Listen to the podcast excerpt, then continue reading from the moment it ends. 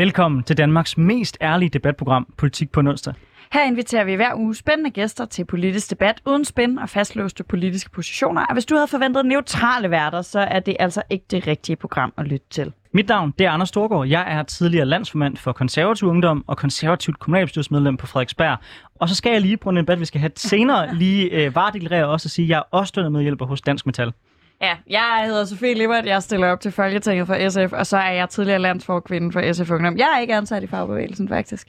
Øh, men den næste time, der kommer vi til at vende øh, en af ugens vigtigste politiske historier med skarpe gæster, men vi starter lige med at tage temperaturen på, hvad der har fyldt for os. Så Anders, hvad har du lagt mærke til i ugen, der er gået? For mig der har det været hele debatten, der var efter, at uh, Ellemann, Mette Frederiksen øh, og øh, Sofie Karsten Nielsen, de havde en debat på nytårsstævnet. For i den debat, der endte det med, at den røg ret højt op på klingen, hvor Mette Frederiksen hun angreb Ellemann for en kampagne, som Venstres Ungdom havde lavet, øh, som i øvrigt, jeg synes var ret usmageligt, der handlede om, at man skulle lokke her op, hvor at Mette Frederiksen så angreb Venstre for det, og i øvrigt sammenlignede øh, Venstre i den henseende øh, med Donald Trump. Jeg ved slet ikke, hvor jeg skal starte i det. Altså for det første synes jeg, det er problematisk, at man er begyndt at kaste Donald Trump-kortet, som om, at det var et nazikort, hvor alle folk, man ikke kan lide, og en debatform, man ikke bryder sig om, det er sådan Donald Trump-agtigt. Det synes jeg er problematisk. Det er begyndt at blive normalt i den måde, vi diskuterer politik på. Og der synes jeg også, det er en lille smule hyggelig fra Socialdemokratiet, der selv øh, nærmest øh, hver eneste øh, valg jeg laver en plakat, hvor borgerlige politikere og andre meningsdannere bliver fremstillet som nazister, og så begynder at belære folk om, at øh, humor øh, kan blive for grov øh, betonet, særligt når Venstres Ungdom har været ude og sige undskyld for det. Og for det ikke engang øh, var rigeligt, så bagefter så er ungdomspartierne så generelt blevet beskyldt for, at øh, det er sådan en politikerfabrik, der er med til at skabe alt den dårlige øh, politiske kultur, vi har i det her land. Det er jeg sgu egentlig også pisse træt af, fordi ærligt talt, så synes jeg, det er at tale enormt meget ned om de 10.000 danske unge, der øh, hver dag prøver at engagere sig i vores samfund og vores demokrati. Så jeg er måske en lille smule mavesur over den måde, som debatten den har udviklet sig på. Jamen, jeg er jo meget enig med dig. Øh, jeg, jeg tror, at du og jeg har talt om det før også. Altså, den der øh, Lock Her Up-kampagne er jo letterlig. Mm. Altså, og det er også øh, en træls måde. Jeg synes altid, det er træls som aktiv ungdomspolitik, når... Øh, når andre ungdomspartier laver sådan noget øh, kampagnevirksomhed, hvor jeg tænker, åh, nu kommer de alle sammen til at hade os alle sammen, fordi de ikke kan kende forskel på os. Men ikke desto mindre, så skal Mette Frederiksen jo også øh, altså måske også huske sin egen DSU-baggrund. Vi kender jo alle sammen det fantastiske foto af Mette Frederiksen, der simpelthen øh, ser så badass og revolutionær ud, at, at, at verden er jo, altså ungdomspolitik øh, er, er visionært og ideologisk og sjovt og spændende og, og er ligesom at gå til politik.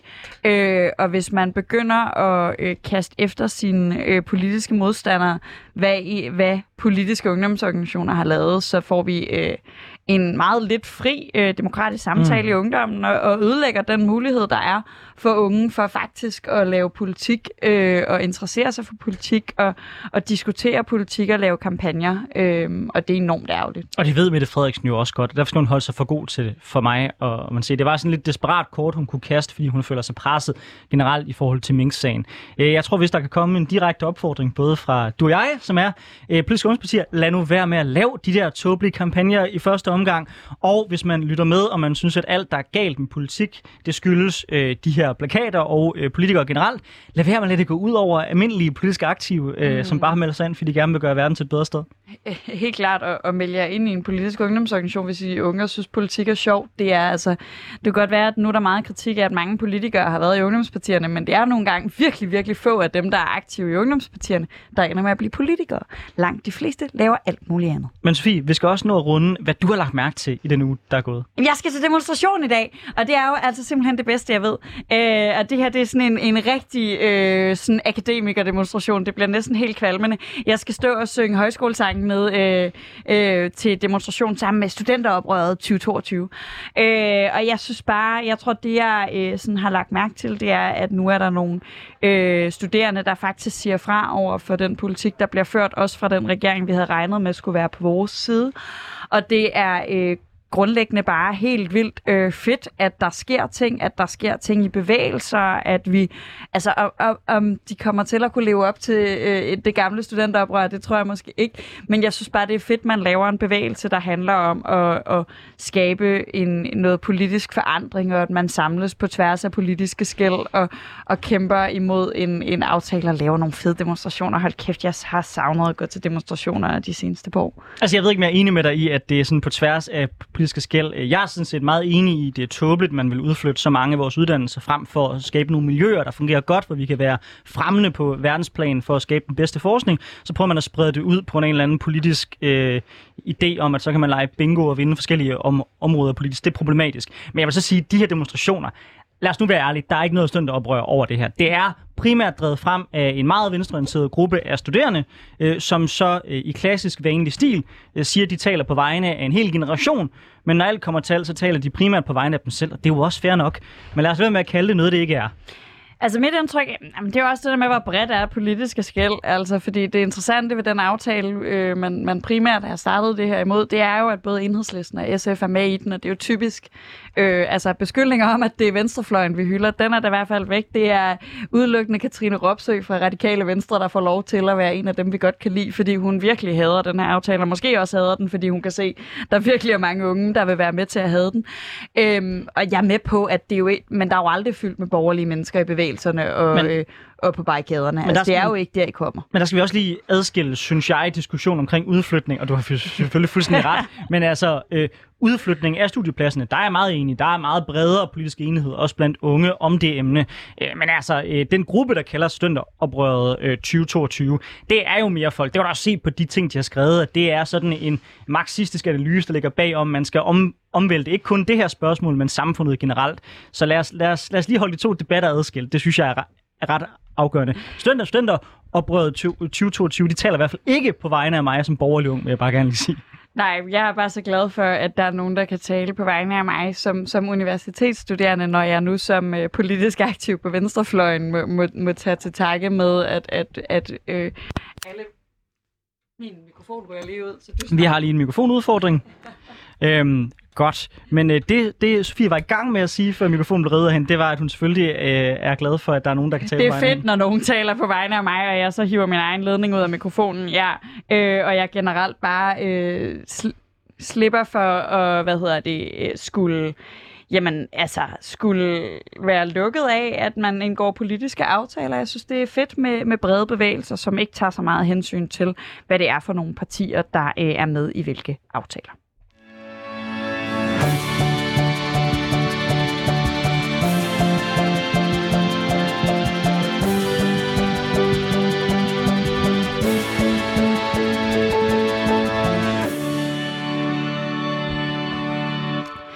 Du lytter til øh, Politik på en onsdag, og vi har nu fået gæster i studiet. Og den første gæst, jeg gerne vil byde velkommen til, det er dig, Sten Nielsen. Du er vicedirektør i Dansk Industri. Øh, velkommen til. I de her, det her program, der inden vi går i gang med sådan selve debatten, som vi nok skal få snakket rigtig meget om international arbejdskraft om lidt, så kunne vi godt tænke os at høre vores gæster, hvad de ellers har lagt mærke til. Så hvad, hvad fylder sådan politisk for dig for tiden, øh, udover at det ser ud til, at der faktisk sker noget på international arbejdskraft nu?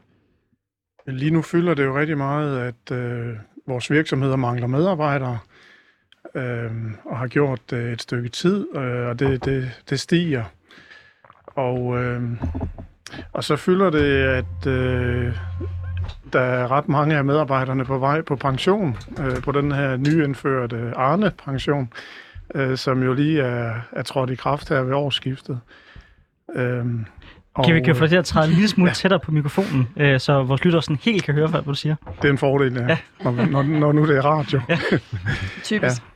Så det, det er medarbejdermangel, og, øh, og den, øh, den er meget udbredt øh, alle steder. Jeg kan godt fornemme, at I er... Øh at den der nervøsitet for, for den såkaldte Arne-pension, den, den begynder at fylde. Altså ser I, at, at virksomhederne sådan helt konkret er, er bange for, øh, hvad der sker, når de konkrete medarbejdere må forlade arbejdsmarkedet, fordi de pludselig får lov nogle år tidligere, end man måske havde regnet med? Ja, og det er jo også fordi, at, at det er jo særligt øh, de faglærte og ufaglærte medarbejdere, som vil benytte sig af, af Arne-pensionen, og, og dem, som den også er tiltænkt jo. Og det er lige præcis de grupper, som øh, er utrolig svære at, at få fat i for tiden. Øh, og det hænger jo sammen med også, at det er nogle meget store overgange, der øh, nærmer sig pensionsalderen. Øh, og i de overgange, der er der rigtig mange faglærte og ufaglærte medarbejdere, hvorimod øh, de yngre generationer, der kommer ind på arbejdsmarkedet, øh, de vælger i højere grad at, at læse øh, nogle af de videregående uddannelser. Så, så derfor er det svært at, at erstatte dem, der er på vej på pension med de unge. Der, der er dels ikke unge nok, og de unge de vælger også nogle andre retninger. Øh, så, så det kommer til at udfordre os. Det er jo håndværk og, og slagteriarbejdere, øh, chauffører og så videre, der er på vej på andre pension. Og, og de er virkelig svære at, at finde, sådan som, som situationen er lige nu. Har Dansk Industri og arbejdsmarkedets parter gjort nok for i ordentlig tid at fortale den udfordring op, altså netop har kunne sætte ind for eksempel i uddannelsessystemet og sikre, at der bliver flere uddannede? Fordi jeg tænker lige nu, der debatten den kredser sig primært om øh, de folk, der enten er på arbejdsmarkedet nu, eller folk, man gerne vil have på vores arbejdsmarked øh, fra udlandet. Men har man gjort nok for at sikre, at unge mennesker som øh, Sofie Libert og jeg, øh, vi, øh, vi må, måske havde tænkt, at det var en mulighed at gå den vej? Mm. Ja, hvis det er i hvert fald noget, der har været fokus på i mange år. Der er blevet øh, arbejdet for at, at ændre den tendens øh, i faktisk i årtier. Øh, der er også lavet politiske aftaler om det igennem årtier øh, i et forsøg på at få flere til at vælge erhvervsuddannelserne. Øhm, så, så det er i hvert fald ikke fordi, at, at problemet har manglet fokus, men, øh, men det er jo, man må konstatere, at det ikke er, er lykkedes. Altså, øh, gymnasiet og de videregående uddannelser har været en, en kæmpe succes. Og, altså det er jo også på sin måde øh, udmærket, fordi det er jo også der, der med, med de lange uddannelser, at der sker en stor værdiskabelse. Så som samfund er det jo, er det jo også udmærket, at, at vi har unge, der, der vælger den vej. Men, men det giver bare øh, en, nogle, nogle praktiske problemer med at få udført nogle af de arbejdsopgaver, vi også skal have udført. Vi skal også lige nu byde velkommen til dig, Erik Børs, Bør, Bjørsted. Bjørsted, ja. Bjørsted, ja. Du er cheføkonom i Arbejderbevægelsens Erhvervsråd. Øhm, hvad har du lagt mærke til? Hvad har fyldt noget på jeres sådan, politiske radar i ugen, der er gået? Du behøver ikke tale om mangel på arbejdskraft. Det kommer vi til at diskutere meget mere. Ja. Men, men, men hvad fylder for jer lige nu? Jo, men øh, det vi øh, er rigtig glade for i øjeblikket, det er jo, at det her pres, der er på arbejdsmarkedet, jo faktisk giver en masse jobåbninger til personer, som normalt har svært ved at finde fodfæste på arbejdsmarkedet. Øh, vi har lige lavet en analyse, som viser, at beskæftigelsen for ikke-vestlige indvandrere er rekordhøj. Det blandt andet, fordi der er så meget rift om, om arbejdskraften i øjeblikket. Øh, vi kan også se kontanthjælpsmodtagere, der er også markant flere, der kommer i arbejde. Langtidsledige er der markant flere, der kommer i arbejde. Så vi har været meget optaget af, at det her opsving faktisk øh, er en chance for at få flere med på, på vognen og få flere ind i varmen i, på arbejdsmarkedet. Men så er det jo også en meget, hvad der ligger og venter forud til foråret. Så der kommer Nina Schmidt-kommissionen jo med sin øh, meget længe ventede rapport, og som jo blandt andet skal adressere nogle af de problemer, som, som Sten snakker om. Altså, hvordan kan vi få øh, flere unge til at, at, at få en erhvervskompetencegivende uddannelse. Vi har de her 76 76.000 unge, som hverken er, har fået en uddannelse, hverken er i gang med en uddannelse eller i arbejde. Det er en kæmpe udfordring, vi skal have taget op. Og så er der jo hele produktivitetsdagsordenen. Altså, hvordan kan vi øge produktiviteten i, i økonomien? Det er bund og grund det, der, hvad skal man sige, har været altafgørende for vores, for vores velstandsfremgang de sidste 50-60 år. Det fylder ikke så meget af debatten i øjeblikket, men det, det kommer til foråret.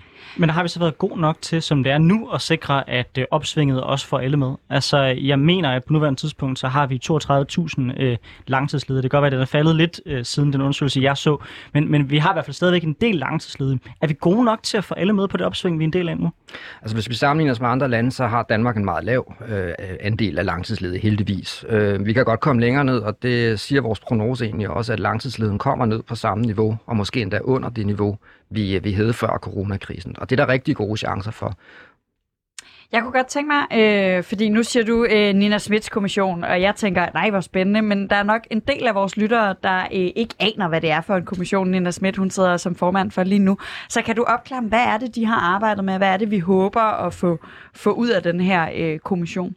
Jamen altså det, der har været, hvad skal man sige, det reformspor, danske politikere har fulgt i mange år, det er det, vi kalder sådan klassiske første generationsreformer. Det har måske været at justere på nogle ydelser for at få flere arbejdsløse i job. Man har hævet nogle, en pensionsalder. Vi har kurs mod den højeste pensionsalder i, i, i EU. Øh, vi skal blive længere tid på arbejdsmarkedet. Det er sådan nogle klassiske greb for at øge arbejdsudbuddet. Øh, men der er vi også ved at være vejs ende. Vi har taget øh, rigtig mange af de greb, og det er nogle andre reformer, der skal til nu. Mange af dem, der ikke er en del af arbejdsmarkedet, arbejdsmarkedet i dag. Det er nogle grupper, som måske ikke reagerer på økonomiske incitamenter, som vi her omkring bordet måske vil gøre. Øh, nogle af dem har nogle problemer ved siden af arbejdsløshed. Øh, der kan måske også, når vi snakker indvandrere, være øh, hvad skal man sige, problemer som social kontrol, som gør, at der står i vejen for, at de kan få en øh, tilknytning til arbejdsmarkedet. Det kan være mangel på kvalifikationer. Det er nogle helt andre redskaber, vi skal ind og se på, for at få flere af, af de grupper med på, på arbejdsmarkedet. Og så er det jo simpelthen også, hvor meget, hvor, hvordan kan vi producere mere per arbejdsteam, altså den her produktivitet, som øh, vi økonomer elsker at snakke om, fordi det er det, der, der i sidste ende gør, at vi øh, velstandsmæssigt ligger, hvor vi gør blandt de absolut rigeste lande i, i, i verden. Velkommen til programmet til begge to. Nu skal vi til at diskutere mangel på arbejdskraft.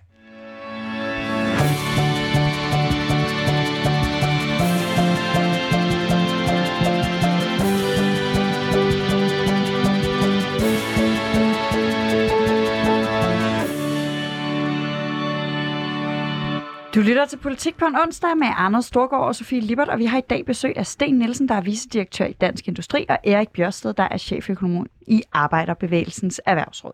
I sidste uge der snakkede vi om et af de store emner i statsministerens nytårstale, nemlig ældreplejen. I dag der skal vi kigge på en af de andre, som generelt har fyldt meget i den offentlige debat den seneste tid, nemlig mangel på arbejdskraft. For her er der faktisk nye toner fra Socialdemokratiet, da de nu øh, stiller sig mere åbent over for ideen om at bruge international arbejdskraft. Det meste af efteråret er ellers gået med forhandlinger om aftalen Danmark kan mere 1, som faste lyttere og studerende, der frygter for deres økonomi, når de er færdiguddannede, kender til. Kort sagt er det et udspil fra regeringen, der netop især har fokus på at øge væksten og sikre, at flere mennesker er tilgængelige for arbejdsmarkedet. Det man typisk kalder for et øget arbejdsudbud. Så inden vi tager dagens debat, er det vigtigt at gøre klart, at et øget arbejdsudbud betyder flere mennesker, der er tilgængelige for arbejdsmarkedet. Det betyder ikke nødvendigvis flere mennesker i arbejde.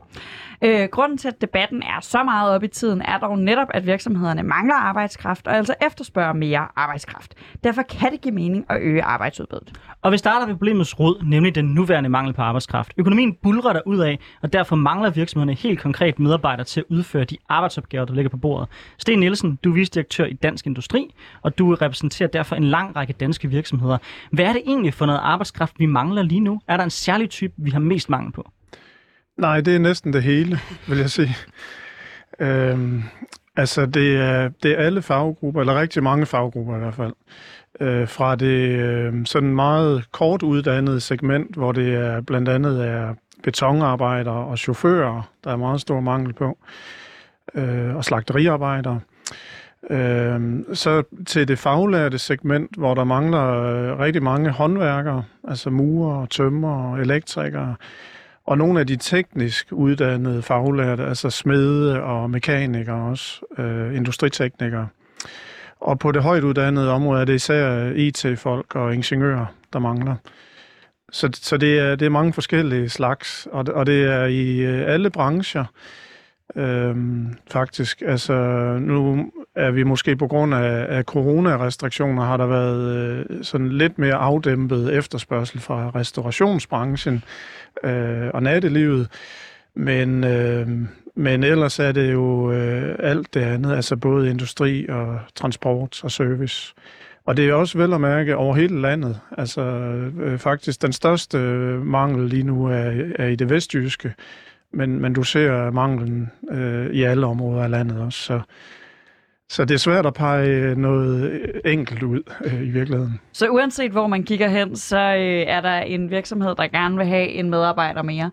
Øh, jeg har jo, øh, jeg, når man er aktiv på Venstrefløjen, så læser man jo simpelthen så mange af jeres analyser i Arbejderbevægelsens Erhvervsråd. Og en, der går igen, især når man er øh, kommunikerer meget med socialdemokrater, og især med fagbevægelsesfolk. Det er jo den her øh, klassiske analyse, som jeg føler, jeg ved ikke, om I har lavet den mange gange, eller om alle, jeg kender, bare refererer til den altid, som viser, at i fremtiden kommer vi til at mangle big time faglærte, og vi kommer til gengæld til at have alt for mange ufaglærte, og vi kommer også til at have lidt for mange akademikere. Øh, nu øh, har vi den her, jamen, vi mangler det hele. Er der noget, vi har for meget af lige nu, som du ser det? Altså, Erik Bjørsted, er det, Øh, den analyse er jo sådan en, i fremtiden ser det sådan her ud, nu skal I huske lige at uddanne nogle flere faglærte. Er det de samme tendenser, vi ser allerede nu? Altså, det her med mangel, mange på faglært arbejdskraft, det er, en, det er en gammel problemstilling, og hele den her problemstilling med, at der er for få unge, der går den vej, det er en gammel problemstilling, som jo gradvist bliver større og større. Øh, man kan sige, at det her langsigtede øh, problem, vi står overfor, det er jo ikke noget, vi sådan kan løse på lige fra den ene dag til den anden. Det er, det er blandt andet derfor, vi skal høre på, hvad Nina Schmidt-kommissionen har at byde på af forskellige tiltag, fordi hun har forhåbentlig nogle, nogle greb, nogle nye greb, vi, vi kan tage fat i i forhold til at sikre, at flere unge går den vej.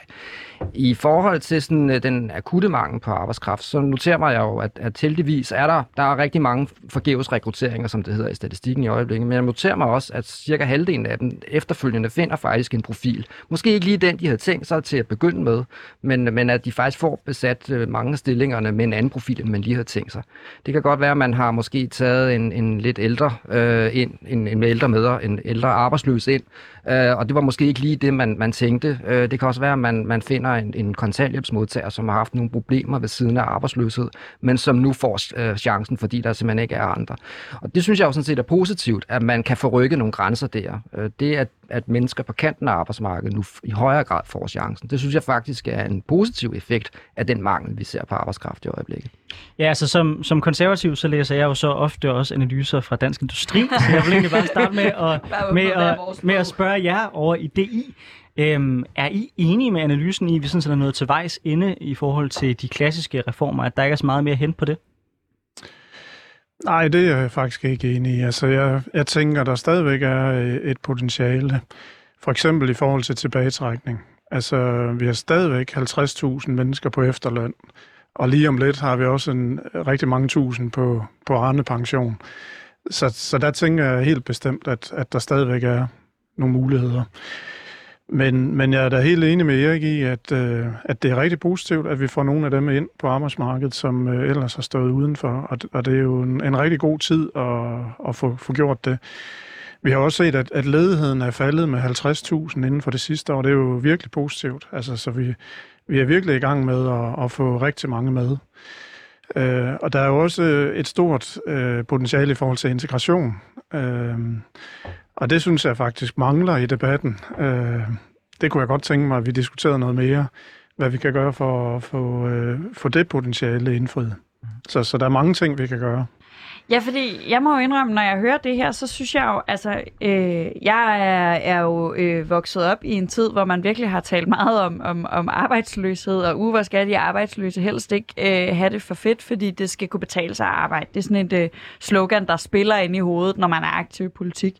Øh, og jeg, jeg kan næsten ikke se det som andet end kærkommet, at der er fyldt med arbejdspladser, som, øh, som mangler nogen, og som er klar til at tage nogen ind, og nogle mennesker, der får en chance chance for at, at, at tage sig et arbejde og blive en del af det, vi sådan, øh, ser som sådan det almindelige, klassiske øh, samfund.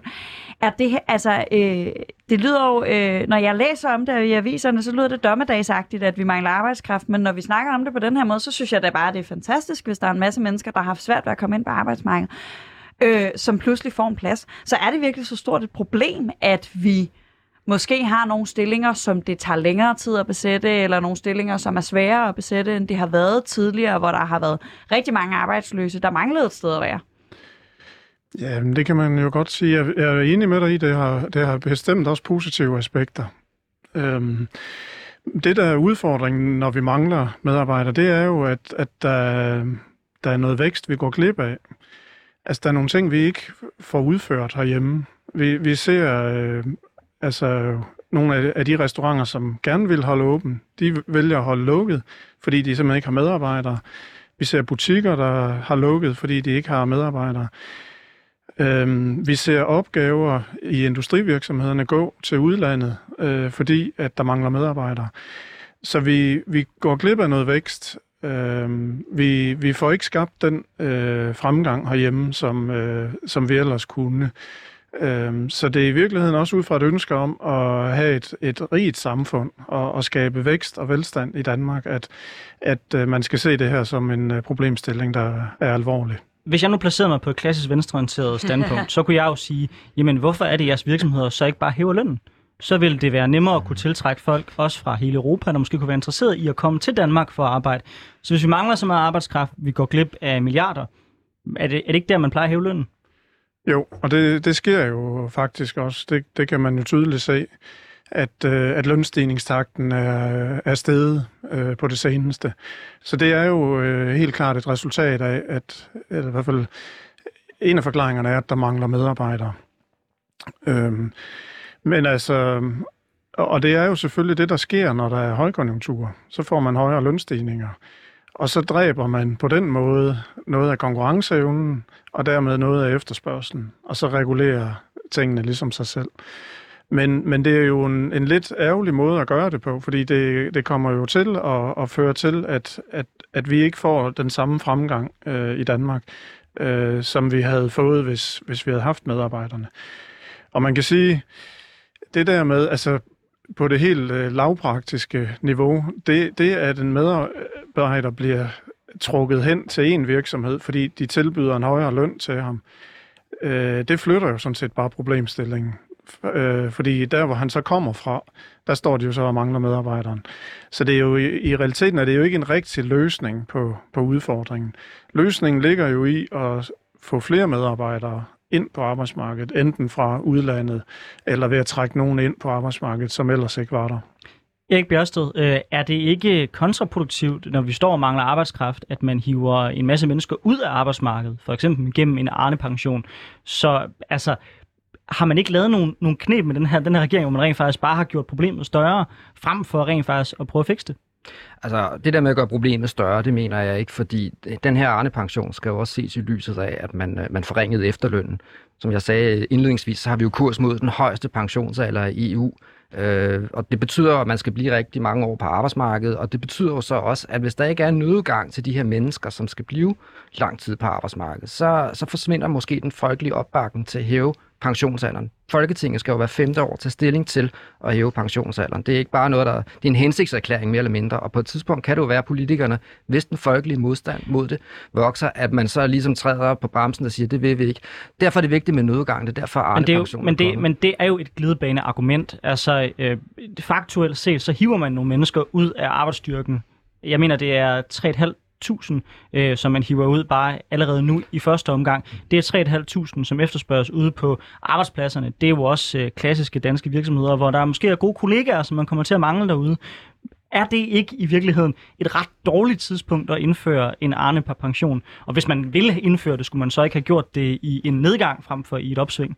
Jamen, jeg synes jo, at det er en vigtig forudsætning for, at vi kan blive ved med at hæve pensionsalderen. For det skal der ikke have tvivl om. Det går jeg ind for. Altså, hvis vi skal sikre holdbarhed på de offentlige finanser, så er det vigtigt, at vi kontinuerligt hver femte år hæver pensionsalderen. Men forudsætning for at kunne gøre det er nu engang, at der er en nødgang til de mennesker, som har svært ved at holde til det.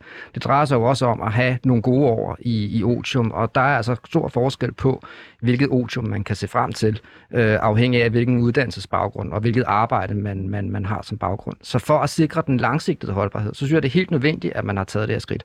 Det står vi så heller ikke enige om. I forhold til det, Sten sagde med, og som jeg også diskuterede før, med at, at lokke folk med, med løn, jeg er ikke helt enig i det, Sten siger, fordi jeg synes faktisk, det er en sund markedsmekanisme, at de mest produktive, mest konkurrencedygtige virksomheder hæver lønnen og på den måde tiltrækker arbejdskraften. Så er det rigtigt, så står der nogle knap så konkurrencedygtige, knap så produktive virksomheder skuffet tilbage på perronen.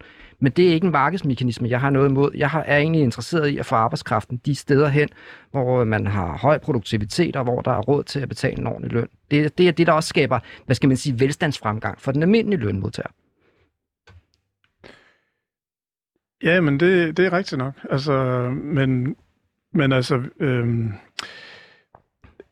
jeg, jeg tror, øh, at, at det her med højere lønstigning, det er, det er klart, det er en naturlig øh, følge af, at vi har et, et meget presset arbejdsmarked og, og en højkonjunktur.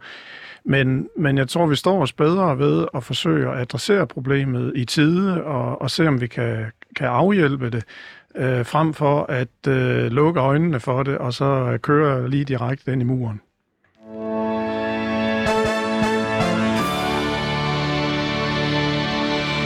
Du lytter til Politik på en onsdag med Anders Storgård og Sofie Lippert, og vi har i dag besøg af Sten Nielsen, der er vicedirektør i Dansk Industri, og Erik Bjørsted, der er cheføkonom i Arbejderbevægelsens Erhvervsråd. Mangel på arbejdskraft kalder på mange forskellige løsninger. Første gang hørte man dog regeringspartiet, Socialdemokratiet, tale positivt om brug af international arbejdskraft i årets nytårstale. Højrefløjen og Radikale Venstre jublede over, at regeringen endelig var med på holdet og klar til at hente arbejdskraft ind fra lande uden for Europa.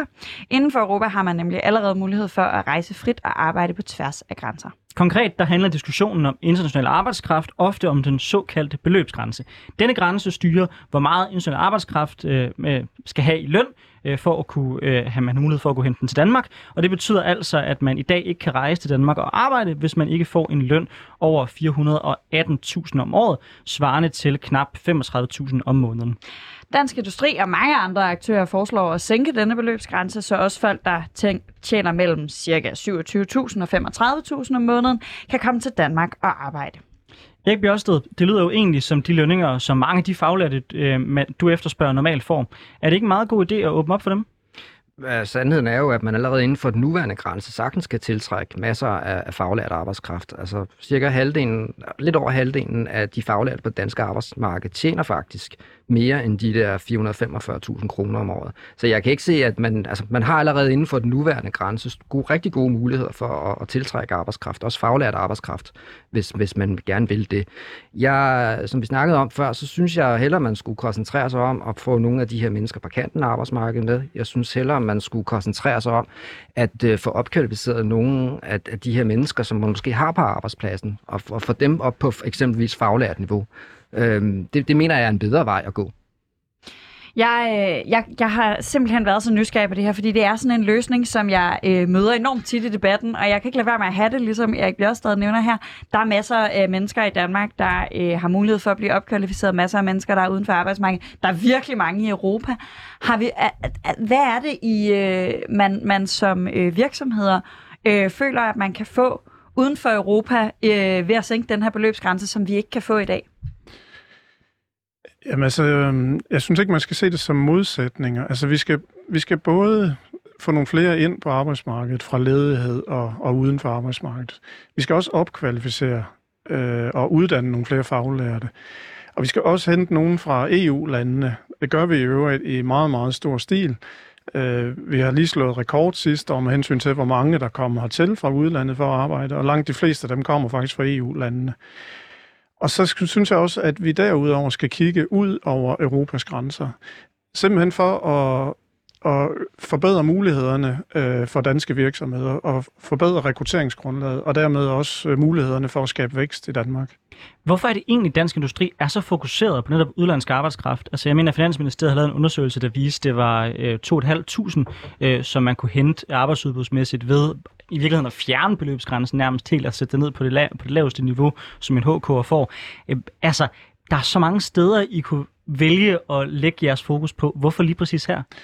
Jamen det er fordi, at udenlandsk arbejdskraft har været den vigtigste øh, driver for vækst øh, i de sidste mange år, de sidste 10 år der, der kommer øh, en meget stor del, jeg tror det er omkring en, øh, over en fjerdedel af, af den vækst, vi har haft på arbejdsmarkedet, den kommer i kraft af udenlandske medarbejdere. Og sidste år alene øh, fik vi over 20.000 flere udlændinge hertil for at arbejde. Så det samtidig med jo, at ledigheden faldt, øh, og vi fik rigtig mange ind fra kanten af arbejdsmarkedet. Så, så det har været øh, historisk set en øh, utrolig vigtig faktor for at skabe vækst øh, på det danske arbejdsmarked. Og når vi kigger fremad, øh, så tror jeg, at det i endnu højere grad faktisk bliver en nøgle til fremgang. Fordi vi er i den øh, gunstige situation, at vi har så høj en beskæftigelse, som vi har. Øh, vi har aldrig været så mange i arbejde i Danmark, som der er nu. Ledigheden er rigtig lav, og vi har fået øh, rigtig mange ind fra kanten af arbejdsmarkedet. Så de muligheder, vi har øh, tilbage herhjemme, de er simpelthen bare meget mindre, end de har været før. Så jeg tror, at, at de, de udenlandske medarbejdere, de, øh, de vil blive endnu vigtigere for os i fremtiden. Jeg har sådan set øh, intet imod øh, sådan udenlandske medarbejdere eller international arbejdskraftskoncept. Jeg øh, synes bare, det er meget interessant, at da vi spurgte dig før, Erik Bjørsted, øh, om det ikke var, var den, det her øh, mellemrum, vi manglede, så siger du, at der er mange af dem, vi mangler, som allerede tjener over de her øh, cirka 35.000 måneder. Hvad er det for nogle medarbejdere? Du siger i starten også, at vi mangler IT-folk. Det er typisk ikke dem, der tjener under den nuværende beløbsgrænse. Hvad er det for nogle mennesker, vi kan få ind, ved, som vi mangler ved at hæve den her beløbsgrænse? Fordi der er også noget med, at Øh, faglærte i Danmark er typisk ret øh, højt kvalificeret i forhold til i store andre dele af verden, så det er også svært at hente noget kvalificeret faglært arbejdskraft. Hvad er det for nogle mennesker, vi kan få ind ved at sænke den her øh, beløbsgrænse? Det er primært øh, faglærte medarbejdere. Og så kan det også godt være øh, yngre øh, medarbejdere øh, inden for nogle af de højt uddannede fag. Men det er primært faglærte. Vi har lavet analyser på, øh, hvor vi sammenligner de øh, lønninger, der er på det danske arbejdsmarked med beløbsgrænsen, og hvor vi har været omhyggelige med at tage de lønelementer med, som man må regne med i forhold til en ansøgning på den her ordning. Og der er de typiske lønninger for rigtig mange øh, fag, øh, de ligger under de 448.000, som er den nuværende grænse, og så ned til omkring 360.000. Der ligger den typiske løn for rigtig mange faglærte grupper. Men det er rent nok, som Erik siger, at, at du kan også finde faglærte, der ligger højere, altså over 448.000. Du kan faktisk også finde ufaglærte, som, ligger, som får en højere løn end 448.000.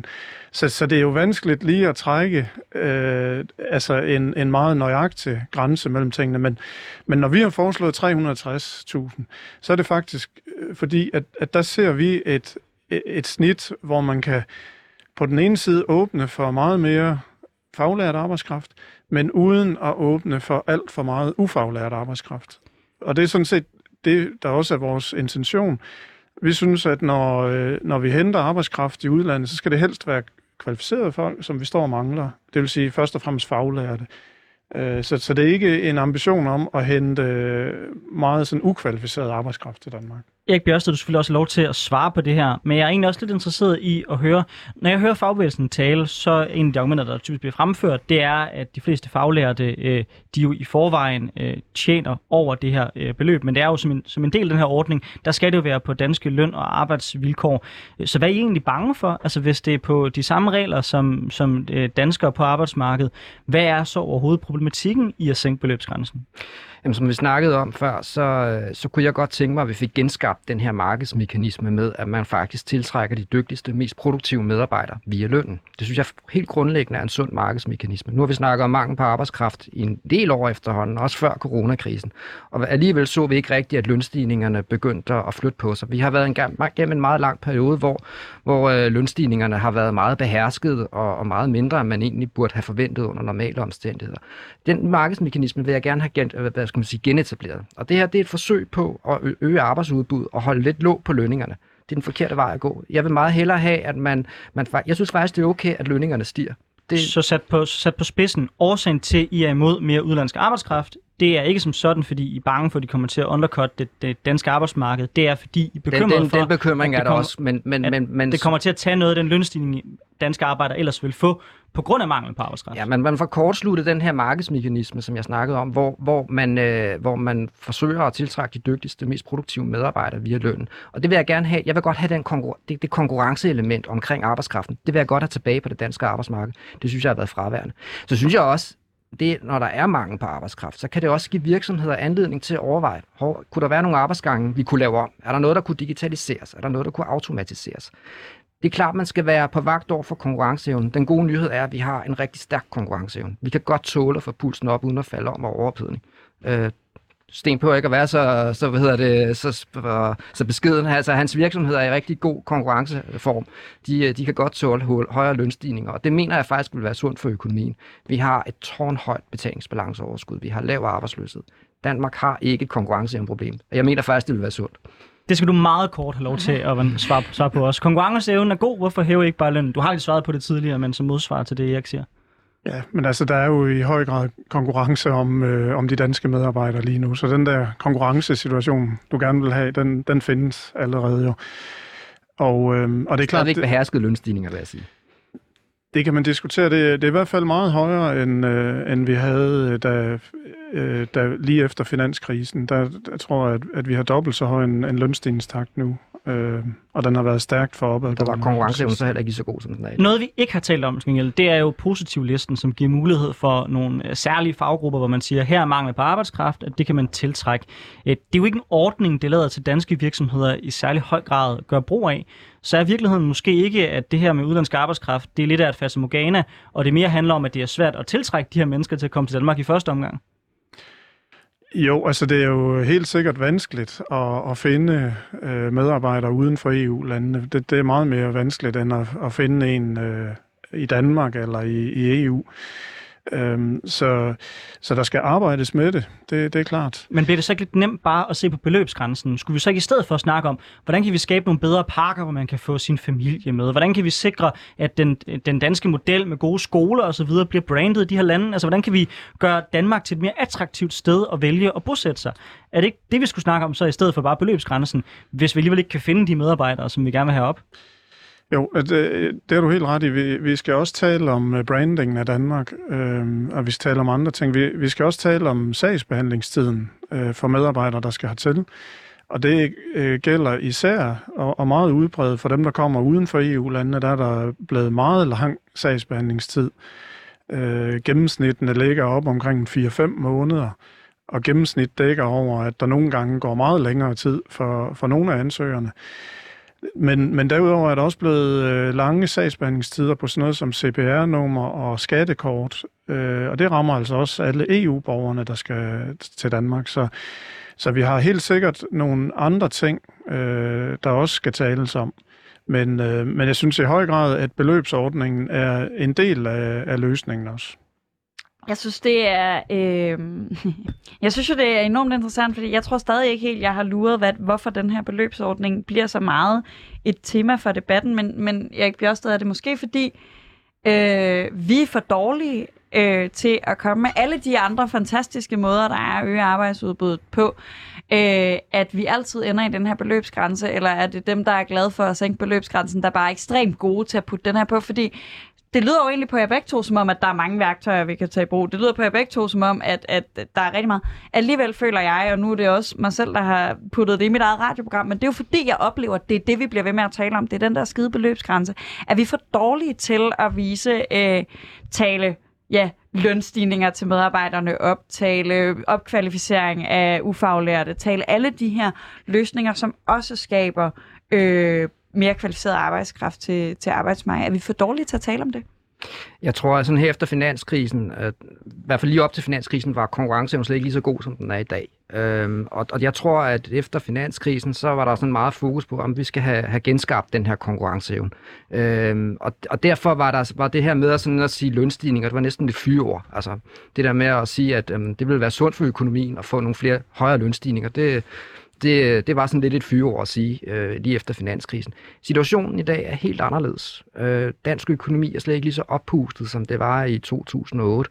Øh, Udover at konkurrenceevnen i dag er markant bedre, jamen så har forbrugerne også her under det her opsving, selvom der er fremgang i forbruget, så er man bare opført sig mere ansvarligt. De bruger en, en relativt lav andel af deres indkomst på, på forbrug.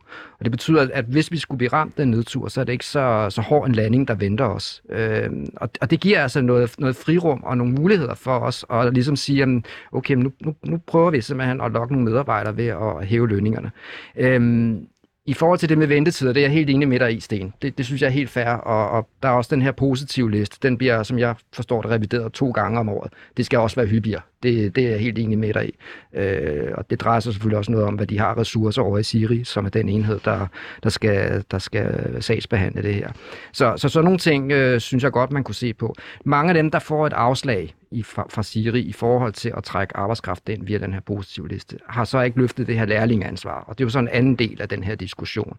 Og det ved jeg, I, altså, det ved jeg, at I også virkelig brænder for, at, at jeres virksomheder tager det her lærlingeansvar på sig.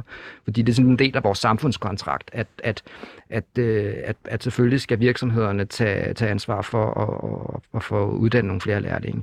Og der er desværre nogle virksomheder, som, som ikke er helt med på vognen nu.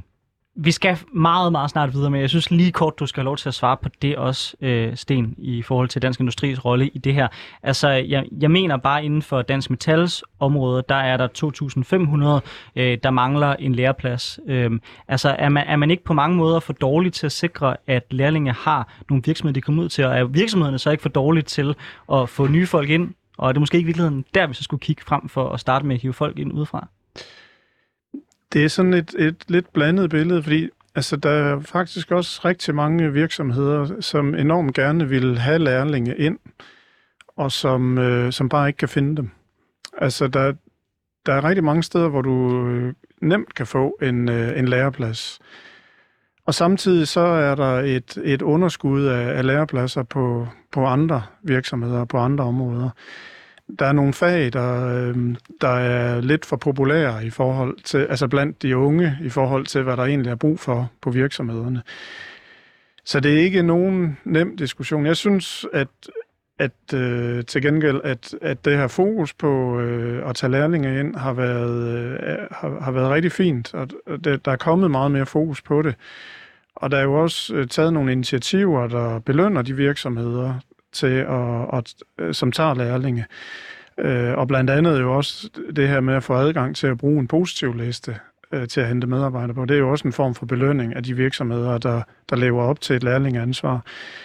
Så, øhm, øh, men altså til gengæld har vi jo også set, at, at det begynder at virke. Altså der er jo kommet øh, flere lærepladser i, øh, i løbet af de seneste år her, øh, også under corona.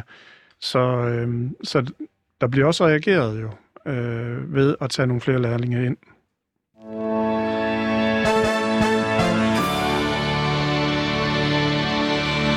Ja, du lytter til Politik på en onsdag med Anders Storgård og Sofie Lippert, hvor vi i dag har besøg af Sten Nielsen, vicedirektør i Dansk Industri, og Erik Bjørsted, cheføkonom i Arbejderbevægelsens Erhvervsråd. Altså, kort sagt, en debat om vores arbejdsmarked. Vi vender endnu en gang tilbage til statsministerens nytårstale, fordi da statsministeren nævnte, at hun faktisk var villig til at åbne for mere udenlandsk arbejdskraft, gjorde hun også klart, at det er at det der med udlænding, det stadig ikke er noget, hun er vildt stor fan af. Konkret, der sagde hun, vi skal gøre det klogt. Vi besluttede for mange år siden, at vi ikke skal have fri indvandring til Danmark. Den beslutning ønsker vi at holde fast i. Sådan lød det altså fra Mette Frederiksen.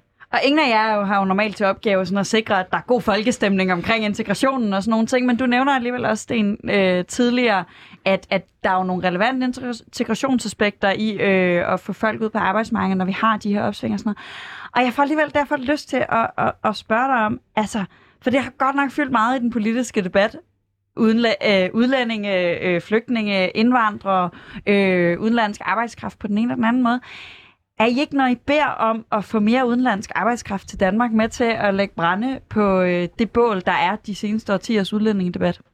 Nej, det synes jeg bestemt ikke, vi er. Altså, vi, vi går heller ikke ind for fri indvandring. Øh, så der er vi helt på linje med statsministeren. Og når vi øh, foreslår en beløbsgrænse på 360.000, så er det jo lige præcis, øh, fordi vi ikke ønsker fri indvandring. Øh, fordi hvis vi ønskede det, så skulle vi jo sætte den øh, meget lavere. Skal jeg forstå det sådan, at I er imod, at man øh, fjernede beløbsgrænsen helt? Fordi jeg har egentlig bare forstået det sådan, at det var et udspil, hvor I prøvede politisk set at sige, I vil gerne have, at man bevæger sig i retning af at gøre noget beløbsgrænsen, og det var så jeres udspil til, hvor man kunne lægge den henne. Men, men vil I være imod, hvis nu hun i morgen går ud og siger, lad os lægge den på det, som øh, er minimumslønnen for en HK, er, hvad er det, 220 eller 60.000, det kan jeg ikke lige huske. Øh, vil I så være imod det?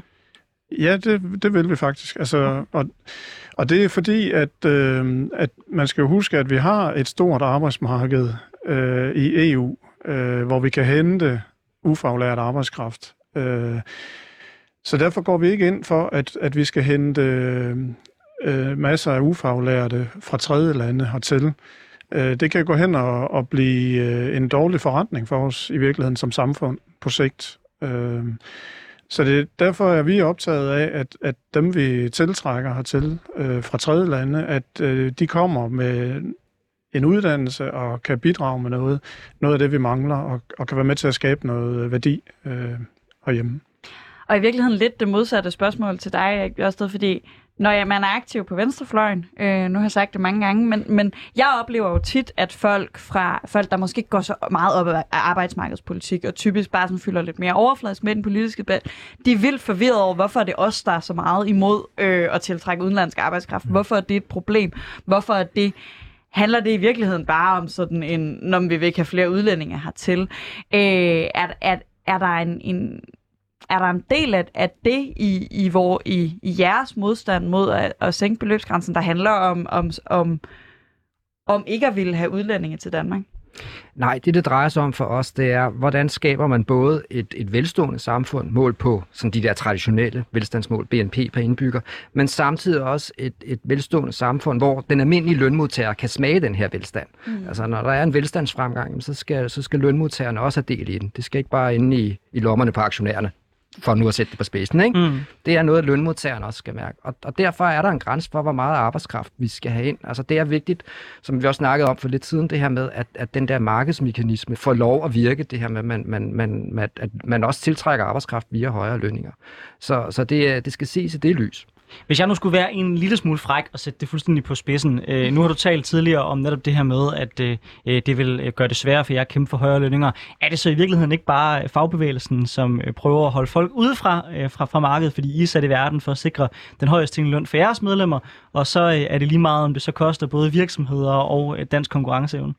Jamen, jeg, jeg tror ikke, det kommer til at, at koste vildt på dansk konkurrenceevne. Det kan vi godt tåle. Vi står, vi står som sagt med et meget højt betalingsbalanceoverskud det her det, det er et spørgsmål om at sigte lidt højere bare end at sige, at vi skal lægge allerhøjst og være lige så rige som USA. Det er et spørgsmål også om at sige, at vi skal være lige så rige som USA, men vi skal også være markant mere lige, end de er.